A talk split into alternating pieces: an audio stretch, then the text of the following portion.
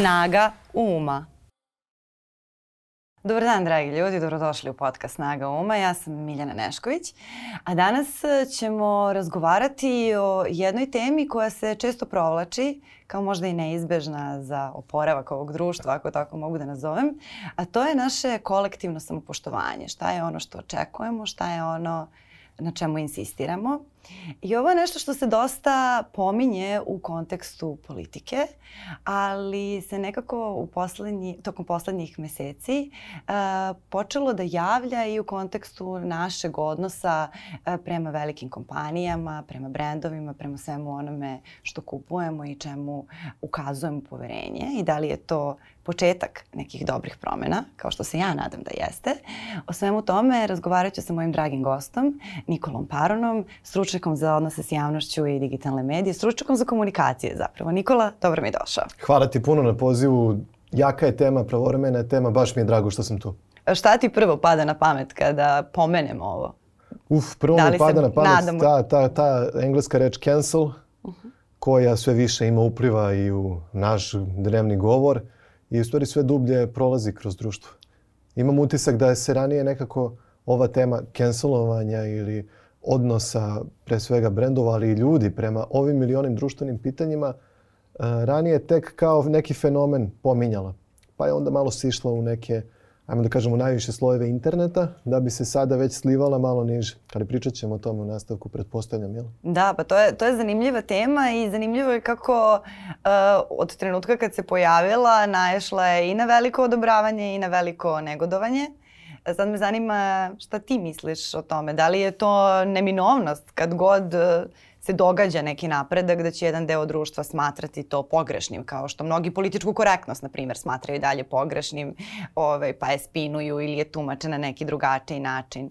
Ja sam isto prvi vrlo skeptičan prema konceptu i wokenessa i političke korektnosti i tako dalje. Ali kada pričamo o komunikaciji javnih ličnosti ili kada pričamo o komunikaciji brendova, sa druge strane, mi tu stvarnost prosto moramo da ustanovimo. Posebno na razvijenim tržištima, u razvijenim zemljama, e, gde su ti koncepti došli do, do jednog vrlo višeg nivoa nego što je to slučaj u Srbiji ili na Balkanu, u ovom delu Evrope uopšte. E, kada o tome razgovaramo, mi razgovaramo o temi koja postoji prvo, a onda možemo da se određujemo privatno prema njoj. Da li je to nešto što je dobro i što nas vodi u dobrom smeru i zaista štiti te ugrožene grupe ili je to nešto što možda pravi kontraefekt kako i kada misliš da štiti ugrožene grupe? Deluje mi da štiti ugrožene grupe onda kada uh, taj pristup ima svoje granice. Uh -huh. I tačno do one mere do kada on ne postane prosta politika. Kada postane prosta politika, tada on postaje jedan fenomen koji je odbojan većini društva. Jer sva ta pitanja jesu pitanja o kojoj god temi da pričamo. Da li je tema body positivity, da li je tema uh, LGBT, da li su teme manjine bilo kog tipa, um, ženska prava, šta god. One jesu teme zbog toga što do, u dosadašnjem periodu istorije uh, te grupe nisu mogle da dosegnu svoj uh, nivo prava koji odgovara nivou prava većine. I uh, stvari se ne menjaju na klik, kulture se ne menjaju na klik. Kulture čak i onda kada su u pitanju države i društva koje su pod okupacijom, na primjer ne mogu na klik da se promene. A kamoli kada su u pitanju slobodna ili relativno slobodna društva. Uvek će na otpor većine naići svako takvo pitanje i svaka takva uh, tema koja se promoviše na ovaj ili onaj način. U tom smislu, ja mislim da je dobro da ugrožene grupe plasiraju svoje teme gde god da to mogu da urede i da se što više društvenih aktera bave pitanjima ugroženosti različitih ugroženih grupa – ali da e, radeći to ne prave veći jaz između većine društva ili velikog dela društva i te manjine, odnosno progresivnije manjine u društvu. Mislim da samo na taj način može zapravo da se desi prava promena. Da, to je zapravo najbolji recept e, manje drame, a više suštine, a sad koliko je moguće da se na Balkanu bilo šta dogodi bez drame. to je... pa sve je ovde malo estrada. da, sve. I Hollywood je tamo malo estrada da. i Wokeness je tamo malo estrada, samo drugačijeg tipa. A kako, kako bi ti sad, ako bismo mogli da napravimo neku analizu um, dolaska te cancel kulture u Srbiji, jer i ona je malo kasnila. Nekako tek, čini se da se tek sad ona zaista zagreva i, i, i zahuktava, da hvata neki, neki talas, ne da baš tek sad dolazi, ali da tek sada uh, imamo tu situaciju da malte ne na nedeljnom nivou uh, se dogodi da neka kompanija ili neki brand uh, pošalju neke poruke ili urade nešto što će naići na negodovanje, uh, bilo da je to komunikacija na društvenim mrežama ili da je reč o nekakvom uh, HR propustu, dakle mobbingu u firmi o kojoj je neko progovorio, o čemu se isto ranije nije govorilo, ili da je čak reč o smanjenju plata koje je nedopustivo, što je isto recimo dobar odgovor javnosti. To možda je i, i, i najpozitivnija stvar koja se dogodila, da su kupci o, ustali i rekli mi nećemo da kupujemo u tom i tom supermarketu jer se smanjili plate radnicima i to je sramno. Ove, kako, bi, kako, bi ti, kako ti gledaš taj dolazak? Mi moramo prvo da budemo samo svesni činjenice da ove teme o kojima mi sada pričamo su teme koje se bavi zaista ogromna manjina ljudi. Uh -huh. Mi sada kada o tome razgovaramo, ljudi koji će ovo slušati, ljudi koji reaguju uh -huh. na, na takve izazove i dižu larmu, opravdano ili ne, kada je takav neki izazov u pitanju, to je uh, vrlo glasna, vrlo velika manjina ljudi. I to se čita na kraju krajeva samo na, na, na kraju godine u poslovnim rezultatima i izveštajima. Da li je reakcija društva bila tolika da je nanela štetu po poslovanje datog privrednog subjekta? Uh -huh. I da li je zaista težina te alarme koja je u našem balonu bila zaista glasna, neka tema koju vidimo na Twitteru, na Instagramu, koja traje i po nekoliko dana, samo se o tome priča, pa bude neki intervju na temu, pa bude neko gostovanje na televiziji na tu temu. I mi mislimo da to je jedan ozbiljan problem društveni prvo, pa onda i, i za samu kompaniju koja je u problemu. A na kraju kvartala i na kraju godine ispostavio se da ljudi jednako tamo kupuju, da niko nije odustao. Postoji jedna, jedan primjer koji se, kojeg se uvek rado hvatam, ajde da ne izgovaram, mhm. moja je banka u pitanju i uh, to je banka koja, mislim, nema ekspoziture. Da. I često ili neretko imaju neke bagove u funkcionisanju e-banking i m-banking usluga. Pričamo o nivou jednom u mesec dana, nešto padne na dva sata. I sada, pošto sam ja na internetu i moj bubble je takav da su to sve digitalno pismeniji ljudi, mnogi među njima imaju, također, mislim, klijenti su te banke. Svaki put kad se to desi, stotine i stotine nekih fejova, retvitova, ljudi koji su besni, koji tvrde i prete da će da napuste banku. Meni samo zanima, posle svih tih serija besa, ja bih rekao da im je polovina korisnika otišla, koliki je stvarno gubitak za tu banku. Deluje mi da nije veliki. Tako da, e, toga, dakle, prvo moramo da budemo svesni da je to jedna manjina ljudi koja se bavi tim temama, koja je glasna, čiji glas je mnogo veći od njene veličine i to je u redu. I uvek u društvima agendu u stvari postavlja manjina. To nije sporno. I to je tako da. u svakom društvu na bilo kom pitanju. Pa se onda ljudi na, na izborima žale kako je vladajuća stranka uzela samo 2 miliona glasova, što je ni trećina stanovništva Srbije, formalno gledano, a imaju svu moć u zemlji. Pa i to je deo toga. I to je deo toga. Um, što se tiče samih promjena koje te, te e, reakcije društva mogu da donesu, one zaista mogu da, da se dese. I one mogu da se pre svega dese u domenu korporativnih komunikacija kompanija koje su u problemu. I da onda nakon toga što su dobile neki backlash od tog dela javnosti, možda i šire javnosti, da zbog toga nešto promene unutar svog sistema. Onoliko koliko je to moguće. Naravno, sad da li su to plate, odnos prema zaposlenima i tako dalje, deo tih stvari ipak reguliše zakon o radu. Iznos plate ne, osim da mora da bude ili tako pre, minimalna ili preko minimalna da bi bila legalna plata. Da. Sve ostalo definiše politika poslovanja. Mobbing regulišu opet neki drugi zakoni. To nije nešto što je krivično delo, je tako? Kompanije unutar sebe mogu da reaguju na ono što je javnost otkrila i da pošalju neku poruku da su se stvari zaista promenile po tom nekom pitanju koje je ozbiljno problematično. I tu dolazimo do tog fenomena izvinjenja koje se čini da se u Srbiji dalje uči. Uh, s jedne strane i dalje učimo zbog čega je važno da ga dobijemo, uh, onda kada nekome uputimo neku vrstu zamerke ili ukažemo na grešku, a s druge strane i oni koji se izvinjavaju e, čini se da često ne znaju kako da se izvine pa onda onako pokušavaju da nam objasne da nismo mi to dobro razumeli i tako dalje, da se time opet dodatno ukopavaju, jer to se često dešava. Dobijemo neko saopštenje koje sve samo nije izvinjenje, nego je kao nekakav pokušaj spina, a mi opet e, živimo u jednoj državi uh, u kojoj se stalno dešavaju vrlo ozbiljni politički spinovi koje osmišljavaju vrlo ozbiljni umovi za političku propagandu i mi smo čak i na te spinove oguglali, pa onda ovako nekako kada to dođe iz od, ne, od neke korporacije, od nekih ljudi koji su i manje vešti u tome, često ume da deluje onako i nevešto, a i da im se dodatno obije o glavu. Ali sad je to to pitanje koliko to njih zaista košta i, i da li mi nešto učimo kroz ovaj proces kao društvo, da li se osnažujemo kao, po, kao pojedinci, kao politička, potrošačka bićka i sve ostalo. Da, ono što kaže ono Džiboni u, u, pesmu, u pesmi dobro je, um, moglo bi biti da je lakše umriti nego ljudima reći oprosti. Mm. To je ljudski insight To, da. je, to, takvi su ljudi. Tu su malo i sujete.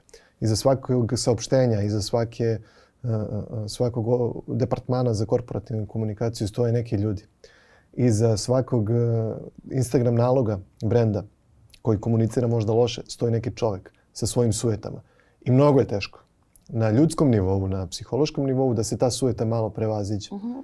Kada firma uđe u problem na temu komunikacija pre svega, uh, taj problem nije samo za firmu kao takvu, niti za tog nekog community menadžera u ovom slučaju kao takvog. To je problem koji je lančani.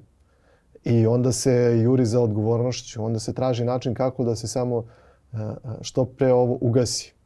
I to uvijek jeste, prvi korak jeste da se stvar ugasi, da, se, da, da prestane rafalna paljba po vrendu.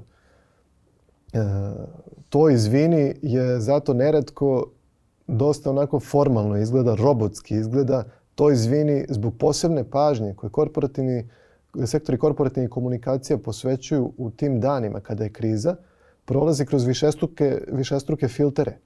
I svaki zarez se onda meri zbog toga što se u prethodnom koraku nije izmerio ni jedan zarez. I onda na kraju dobijemo to neko saopštenje ili kako već, neki izraz koji onako malo deluje neiskreno. Nije problem izviniti se onda kada zaista izvinjenju ima mesta i treba da se desi. I za brend je to dobro. To nije slabost brenda. To je naprotiv snaga brenda. Kao što kod čoveka nije slabost čoveka da kaže izvini, da prizna grešku. To je izraz njegove snage. Bez obzira što će to izvini zapravo biti potvrda da smo nešto uradili kako ne treba. Ali upravo zato u drugom, trećem koraku na srednji rok to je dobro i zdravo i to možda najviše čini da se društvo poboljšava, da se potrošači malo više, kako da kažem sada, ne edukuju, ali da se malo više osveste i da malo drugačije gledaju čak i na greške. Da, taj, taj odnos prema, grešak, prema greškama je meni strahovito specifičan, zato što kada se dogodi tako neka, tako neka drama, na društvenim mrežama ili neki veliki skandal, to, to si jako dobro rekao. Time su uglavnom najviše pogođeni ti neki ljudi koji se smatraju odgovornima ili jesu odgovorni ili ih neki drugi nadređeni smatraju odgovornima, a vrlo često nisu ni naučeni da se nose sa ozbiljnim krizama i to je onda neka velika buka u glavi. Mislim, ja kad sam radila krizni PR, ti 70% vremena provedeš u, u uh, korigovanju te konkretne osobe da se ne samo uništi zbog pritiska, a 30% vremena je zapravo ono što ti odradiš neki krizni menadžment. E, Suštinu da, stvar, mnogo više posla i mnogo više vremena i više energije ulažeš u to da ti konkretni ljudi koji su pogođeni nekom dramom od te drame i pod tim pritiskom potpuno ne, ovaj, ne uđu u tu neku dodatnu autodestrukciju. Ali je to strašno zanimljivo jer je to možda taj trenutak kako ja to gledam, pošto sam ja tako diže buku na društvenim mrežama pa nekim pitanjima, e, da kada to izvinjenje izostane ili kada bude bezobraznije nego što je i bio problem ili tako dalje, da je onda to onaj trenutak u kom imali ste izolovan problem koji je mogao da bude greška nekog juniora ili greška nekog previda ili ne znam, šta god. Mogao da bude neki onako kratko traje, nakutni Jeste, problem, a ovim požar. izvinjenjem ili ovim reagovanjem koje je sigurno prošlo kroz sve pore bitne jedne kompanije, vi ste pokazali da to nije ništa akutno, nego da je to kod vas hronično i da ste vi prosto takvi ljudi, da je to vaša poslovna politika, da ste bahati, da, da, da ne da smo se sve opravdano pobunili i podigli buku, nego treba da podignemo očigledno još veću buku, da se, da se ne čujemo, da nas ne poštujete. To se dešava kada je izvinjenje loše ili kada. -huh. izvinjenje prosto ne odgovara istini. Mhm. -huh. E sad ovde mi pada na pamet još jedna druga dimenzija celog ovog problema, a to je ono što rade tabloidi, neki, ne mogu da kažem svi, ali neki da, e, brendovima sa izmišljenim problemima, sa izmišljenim pričama o iskustvima potrošača, sa e, izmišljenim e, nekakvim stanjima u, u pogonima ili u, u distribuciji koji ocrnjuju brend. I to ne rade zbog toga što im su mnogo savesni, mnogo im je stalo do toga da jel, radnička prava, prava potrošača, e, uslovi rada budu bolji nego što jesu, nego zbog toga što udaraju klasičan reket da. kompanijama koje neće ili koje na taj način postiču da daju svoj oglas u tim medijima. Što je, mislim, kako da kažem, bolest za sebe. Ja mislim to, da, da bi to na neki način moglo da se vodi kao iznuda ali zaista je, zaista je bole za sebe, ali ima efekat na ovo o čemu pričamo na drugi mhm. način, što kada se to dešava često, onda i sami konzumenti medija otupljuju na probleme koji su ponekada i stvarni i koji se stvarno dešavaju. I kada sto puta viknete vuk, vuk, posle niko ne veruje, tako kaže priča. E pa kada sto puta viknete no, ono, obmanjuju svoje potrošače, varaju svoje klijente, uh, imaju šta god pacove u proizvodnji. Kada 500 puta napravite takav naslov, to više nije ni zanimljivo, ni atraktivno, ne šokira ljude i ljudi zbog toga neće promeniti svoje ponašanje čak ni kada treba da ga, da ga promene. E, onda je mnogo važno da se tom problemu, i zbog te dimenzije mnogo važno da se tom problemu pristupa na, na ispravan način.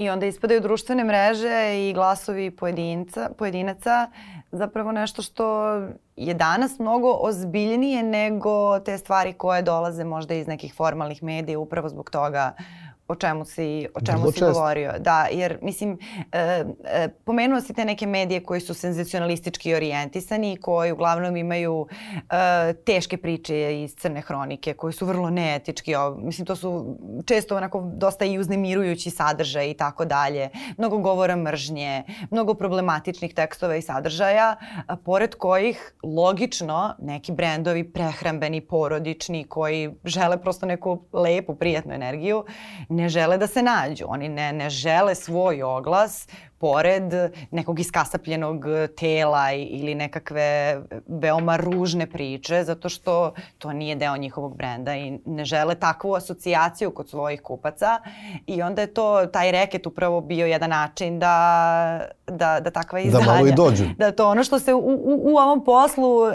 šablonski zove reketiranje, uh, to se čak dešava, ja sam čula makar da se dešava i nekim javnim ličnostima od strane druge vrste tabloida, isto to kao sad ne znam da li je reč o novcu, nije, nisu klasični oglasi, ali to da za priče ukoliko uh, pristaneš. Za priče, za vozila, za, za novac. Za sve živo, za sve, da, da. Za sve živo i onda uvek postoje ti neki tako beli medvedi, a moguće da, da, je, da je sada i ovaj talas na društvenim mrežama uh, sa ljudima koji imaju svoj glas i koji uđu u pekaru i kupe salatu i ta salata im se ne dopadne ili ne sastoji ono što piše da treba da sastoji ili odu na Instagram profil knjižare ili na Instagram profil e, brenda Donjeg veša i jednostavno kažu svoje. Moguće da je, e, da je tim advertajzerima koji su navikli da ako plate dovoljno oglasa, dovoljnoj količini medija da će biti mirni. Mir u kući. Da, i sada odjednom nema mira u kući i nema tog novca koji može da se plati i nema tih ljudi jer kad ljudi su ljudi.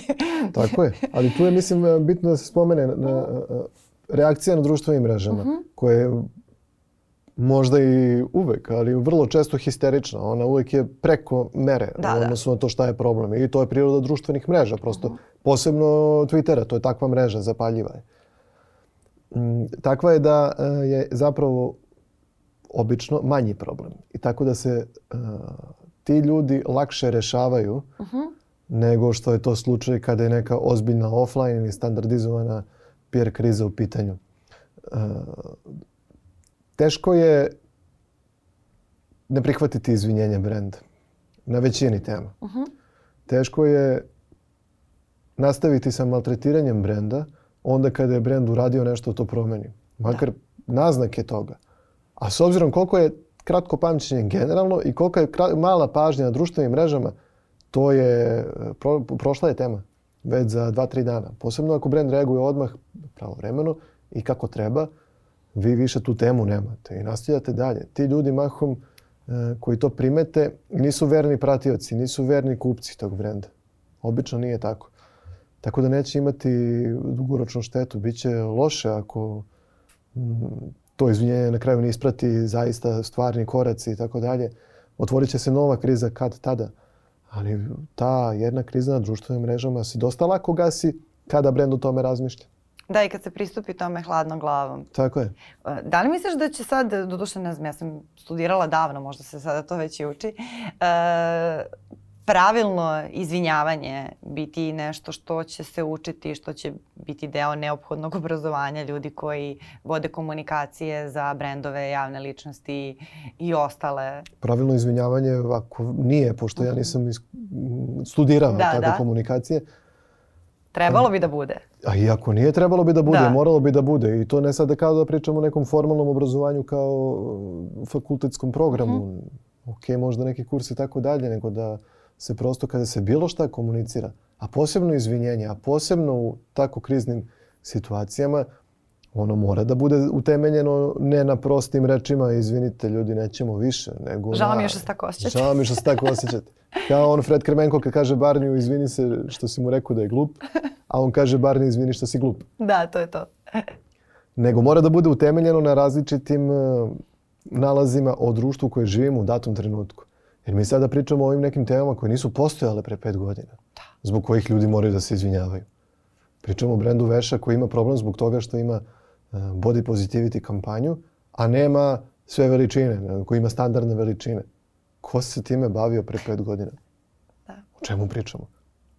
Ko, taj ko je studirao pre šest godina, on sa, samo sa tim znanjem, on ne može dobro da reaguje na problem koji je, koji je današnjica. I često su PR krize uzrokovane ne samo narativima koji su danas aktualni, nego aktualnostima koje su bukvalno dnevnog tipa. Nešto što se desi u danu ili nešto što je izrečeno, a u datom trenutku znači potpuno suprotno u odnosu na, na recimo mesec za nama. Te stvari su takve da moraju da se prolaze uh, vrlo temeljno, duboko i da se njima pozabave malo iskusni ljudi od onih koji prosto, mislim, rade community management. E, kad govorimo o tom osnaživanju i o e, samopoštovanju u kontekstu i brendova i svega, to, je, to obično raste kada krene. Znači sad, sad dogodile, dogodile su se neke PR krize, brendovi e, su uspeli da prežive ili nisu te krize, sada snalaze se i tako dalje, ali nekako prirodno je očekivati da će, da će to rasti i da će naš stepen tolerancije uh, na ne znam, bahato ponašanje kompanija bivati sve, sve niži i da ćemo bivati sve osnaženiji na, tu, na tom polju da jednostavno sugerišemo, kritikujemo one kojima poklanjamo svoj novac ili vreme ili poverenje i šta god. I sad tu dolazimo do, do te teme da li to samopoštovanje i to osnaživanje uh, potrošačko može da se prelije i na ovo političko osnaživanje u društvu i da utiče na to da krenemo možda tim putem da nam prag tolerancije na probleme u politici bude mnogo niži i da ne čekamo toliko dugo da kažemo predstavnicima neke vlasti da je neprihvatljiva ili da je loša. Ja mislim da to postoji već u politici uh mhm. -huh. kod nas, ali postoji na, na, na štetu opozicije, a na sreću uh mhm. -huh. vlasti pre svega u opozicijonom biračkom telu. Vogue kultura je takva da ne prašta ništa. Da. I cancel kultura je takva da ne prašta nikada više. To je manir koji postoji u odnosu opozicijonog biračkog tela ili onoga što bi ono moglo da bude prema opoziciji poslednjih deset godina sigurno. I obrazovani ljudi, zagrejaniji ljudi, politički zainteresovani ljudi mnogo teže praštaju izlete u nešto što smatraju da je loše kada je opozicija u pitanju Jer vlasti svakako ne praštaju, to nije sporno. Oni su protiv vlasti pa su protiv vlasti. Imaju očekivanja od opozicije koje su ve, ve, veoma visoke, često i nemoguće za realizovati. Tada kada im opozicija ne ispuni ta visoka očekivanja, ovi kažu, aha, vidi ga ovaj isti. Čekaj, ja za tebe da glasam protiv, uh, protiv njega, a ti si kao, ne znam, you name the topic, šta god daje. Evo, on, protiv, ne znam, formalnih e, institucionalnih slava si ili si za um, Koji je tvoj priznavanje stav, da. Kosova Da. ili si protiv priznavanja Kosova. Šta god da je tema, uh -huh. taj deo ljudi actually canceluje opoziciju. Uh -huh. Tako da ja mislim da to već postoji i da mi tu moramo se vratimo korak unazad i kada pričamo o odnosu, bez obzira da li si glasač opozicije ili vlasti, nevažno je. Ali kada pričamo o odnosu prema politici koja toliko mnogo utiče na, na, na živote svih nas, mi moramo tu da napravimo jedan step back i da malo krenemo da neke stvari praštamo onim akterima koji su nam a, a, a, najbliži. To je ona teza da je opozicija za opozicija, zapravo da je demokratski orijentisana ta politička struktura odabrala sebi najgoru ciljnu grupu i najgore birače, ove kojima nikada ništa ne valja, koji će uvek da, da traže sitnicu, koji se jako lako pobune, koji uh, nisu lojalni svojoj političkoj organizaciji, koji će vrlo lako da vas zamene, vrlo lako da vas promene, a s druge strane da je vladajuća koalicija i ta ekipa koja sada trenutno na vlasti odabrala ove koji su ajde, ako mogu tako da kažem, najzahvalniji. pa reklo bi se da su dosta zahvalni, da. A kako da doći da do tih, kako tim ljudima približiti tu cancel kulturu? Da li je to moguće? E, pa to je sada pitanje. Zato što sada mi tu pričamo ipak jedan deo birača vlasti je zaista slabo obrazovan, zaista nije prisutan u, ajde možda na internetu, ok, ali kao uh -huh. u mhm. ovim temama, u, ovim delovima interneta, uh, ponavljam, gro ljudi ne zanimaju Vogue teme, ne zanima cancel kultura. Jedine cancel teme u politici su u prethodnih x godina zbog toga šta je propaganda u prethodnih 30 godina uradila uh, Kosovo i Srebrenica. To su diskvalifikaciona pitanja za svakog političara. Pa smo imali tu scenu sa, sa ovim dečkom što vodi proteste. Da. Je tako? Jer to su pitanja koja uh, na masu diskvalifikuju, diskvalifikuju. To nisu pitanja uh, poreske reforme, to nisu pitanja čak ni priključenja Europskoj uniji, to nisu pitanja uređenja lokalnih samouprava, to nisu pitanja ekologije. Naravno, na ekologiji svi će da kažu daj što više zeleno i kao to, to je moj odgovor na, na, na moj odgovor na tvoje pitanje o tome kako ćemo ekologiju. To sve nisu diskvalifikacijone pitanja, ali ovi, ovih nekoliko zapravo jeste. Uh, I to je mm, mesto, platforma, kako već teme, fenomeni gde se dešava cancelovanje političara u praksi. I to je opet jedna manjina koja predvodi većinu. Uvek je manjina, tako je predvodi većinu i to je tako uvek i to je tako u svakom društvu, u svakoj državi, u svakom kolektivu. Ako hoćemo, odluke koje se donose na kolektivnom nivou u najmanju ruku su inicirane od strane manjine, a najčešće su, je cela agenda setovana i uh, donesena i izglasana od strane manjine, da.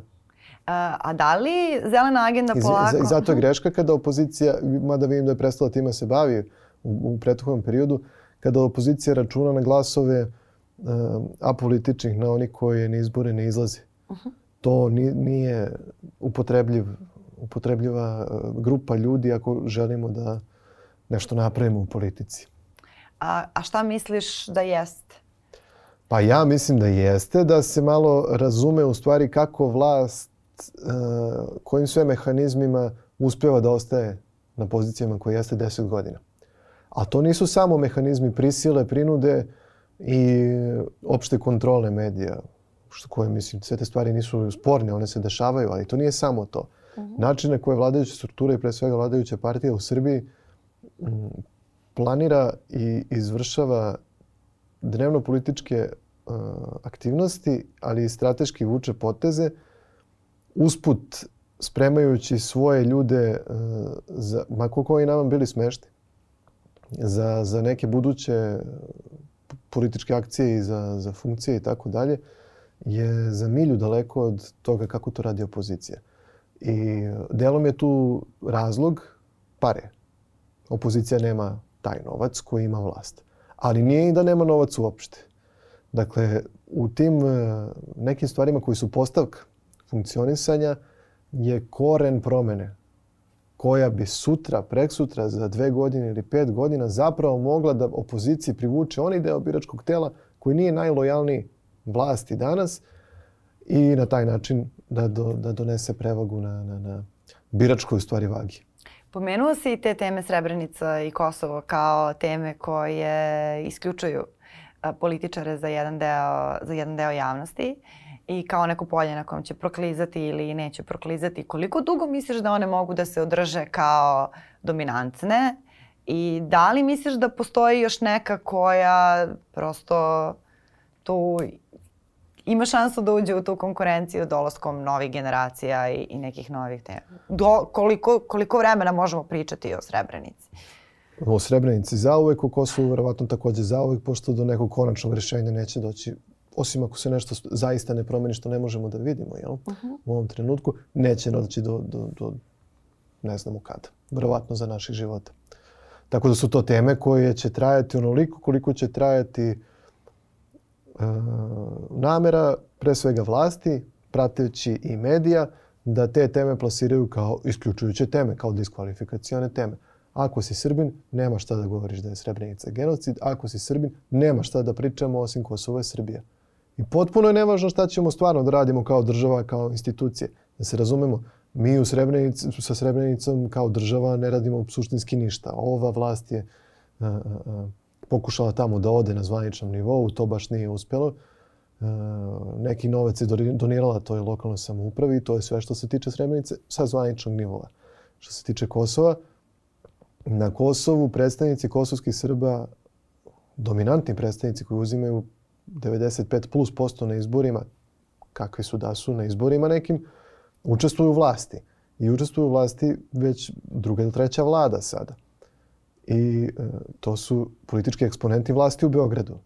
Istovremeno imamo gotovo pa otvorene granice sa Kosovom, odnosno administrativne preloze, gde kosovska roba sa deklaracijama s Kosova ulazi u Srbiju i obrnuto. O čemu mi pričamo kad kažemo Kosovo je Srbija u stvari? To je znači tema koja je potpuno udaljena kao narativ od onoga što je stvarnost na terenu. I to možda uh, i neće biti tako zauvek. Najlakše je eskalirati odnose. Dobro je što Srbija je centralna, ako hoćemo tako, ima komunikaciju dosta jaku sa, sa Kosovom e, ekonomsku. I ja lično mislim da je dobro da predstavnici kosovskih Srba učestvuju u vlasti u Prištini i kada su pod kontrolom Beograda. Jer je to način da se eskalacija i šansa za eskalaciju smanji na, na, na neki minimum. Ali to tema kao tema.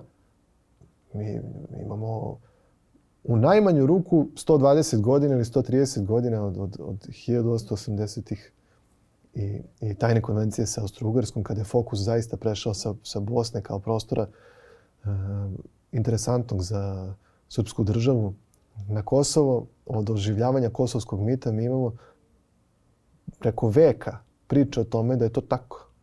To je zavet. To, od toga se ne odstupa. Ti možeš da budeš iskren i kažeš ljudi ajde da se ne znamo više, pa mislim, evo, kao naši učestvuju u vlasti koje nije naša, mislim, kao šta pričamo. Ali ako o tome otvoreno pričaš, ti si osuđen na neuspeh. Ali kako smo došli do toga, sad te pitam i tehnički, zato što je to tvoje polje delovanja. Kako smo došli do toga uh, da imamo uh, bukvalno jednu tendenciju uh, da ljude koji su eksperti na poljima, koji apsolutno nemaju veze sa Kosovom ili Srebrenicom ili bilo kojim oblikom nacionalnog pitanja i koji deluju na polju ekologije ili nekom drugom, uh, da vrlo brzo ukoliko se društveno angažuju na svom polju dođu do toga da moraju da se izjasne. Iako je njihov stav o Srebrenici kakav god da je on, dopadao se on nekome ili ne, zapravo samo njihov privatan stav, jer oni nisu diplomate, oni nisu političari. Zašto bi neko ko je ekološki aktivista i ko priča o, ne znam, količini olova u vazduhu ili u rekama, uh, iznosio svoje mišljenje po tom pitanju? Pa mislim ne moraju da li uopšte treba i kako smo došli, da li je to isto jedna ne, vrsta ne, opsene, da li je to posledica opsene, da sada, ne znam, moramo da imamo, imamo neurobiologa koji će, da, će morati da dođe da, da priča o Kosovu. Mislim, ne, ne mora da priča, evo, kažem. Ne mora da priča. Ali kako smo Ali došli do toga do da mora? da. to me zanima. Tako što su to diskvalifikacijona pitanja. I to je onda zgodno. I tako se diskredituju svi koji, mislim, kako da kažem, na nekim drugim planovima žele da vlasti, ne samo ovu, da vlasti potkopaju. To je način kako su sve građanske partije i, i udruženje građana i nevladni sektor diskreditovali u najmanju ruku 30 godina. Samo tako. I onda je potpuno svejedno šta ti pričaš o ljudskim pravima ili o, o pravima žena ili o pravima radničkim pravima ako ti kažeš na ovoj temi da se u Srebrenici dogodio genocid. Ti mene nećeš, znači ja sam sada neki entitet vlasti, tebe kada proglasim za izdenika i plaćenika koji tvrdi da se u Srebrenici dogodio genocid, ja sebe štitim od toga da ti meni postaviš još neko pitanje, na primjer, na temu nezavisnosti pravosuđa. Zato je to zgodno, to je zgodan mehanizam. I onda opozicija na temu mora da se nečega što je zapravo tvoj posao gde si, mislim šta, kao. Zato, opozi... a pritom opozicija svaka i mora tome da se prikloni dominantu, jer kažem, to je narativ, to je, to je tema koja je opšta, koja traje mnogo dugo i koja je za celo društvo bitna i e, nebitno je što je na praktičnom nivou nebitna. Niko ne bi otišao u rat na Kosovo, uh, mislim, otišli bi, ne, bi- niko ne bi podržao dominantno i ne bi tu bilo stotine hiljada dobrovoljaca. To se ne bi desilo. A to je sveta srpska zemlja. Ali, svi misle i dalje da je to sveta srpska zemlja i to je fair, mislim, kako da kažem, to je neka, to je, ta, tako mitovi funkcionišu. Priče. To je jedan lep storytelling koji Dakle, samo stavlja u, politički, u političku funkciju. Dakle, kontekst u koji ćemo staviti nešto i s druge strane kontekst koji ćemo zloupotrebiti da, Apsolutno, da priču uvek okrenemo na svoju vodenicu. apsolutno, apsolutno, da. I to je zaista zgodan mehanizam za onog kome to treba.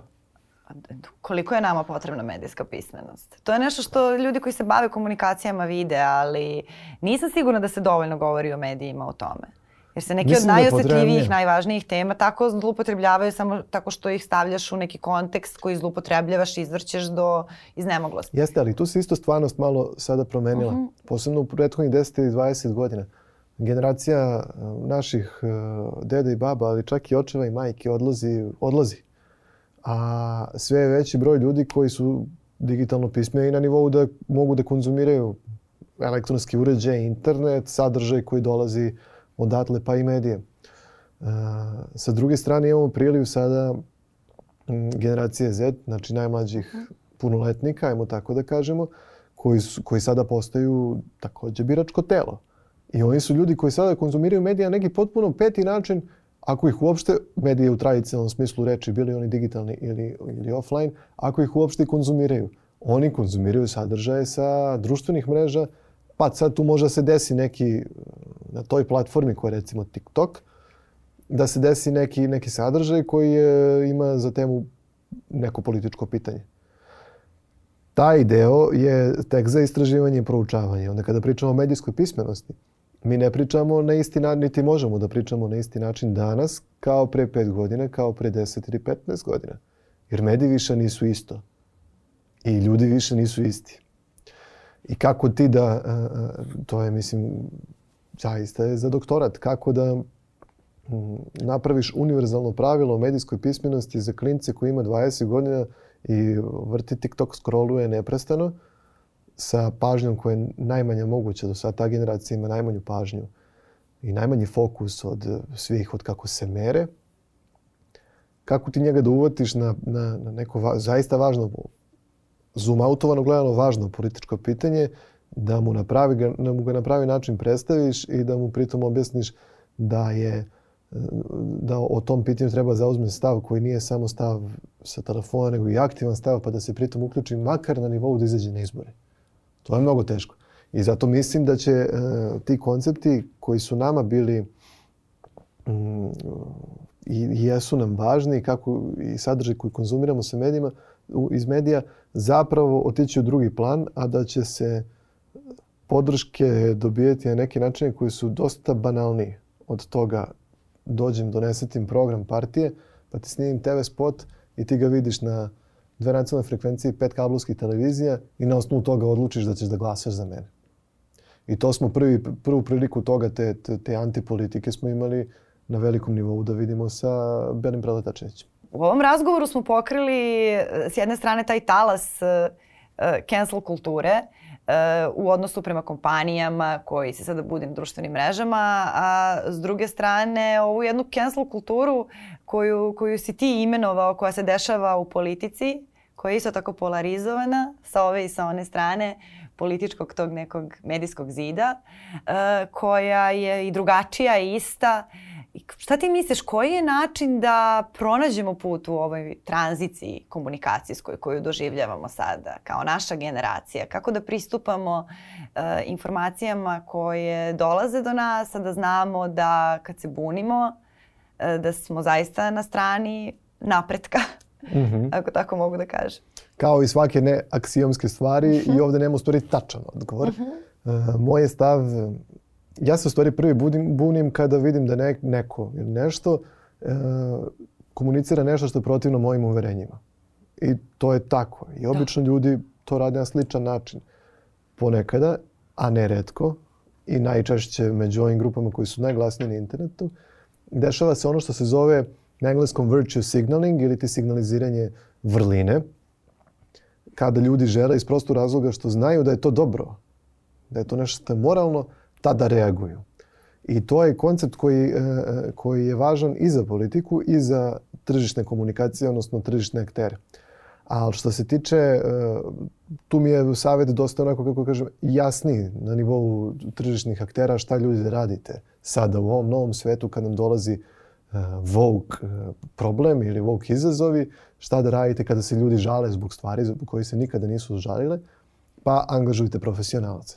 I ako ne, ne da bude tu stalno, a onda po potrebi ad hoc nekoga koga, koga možete da okrenete kada gori.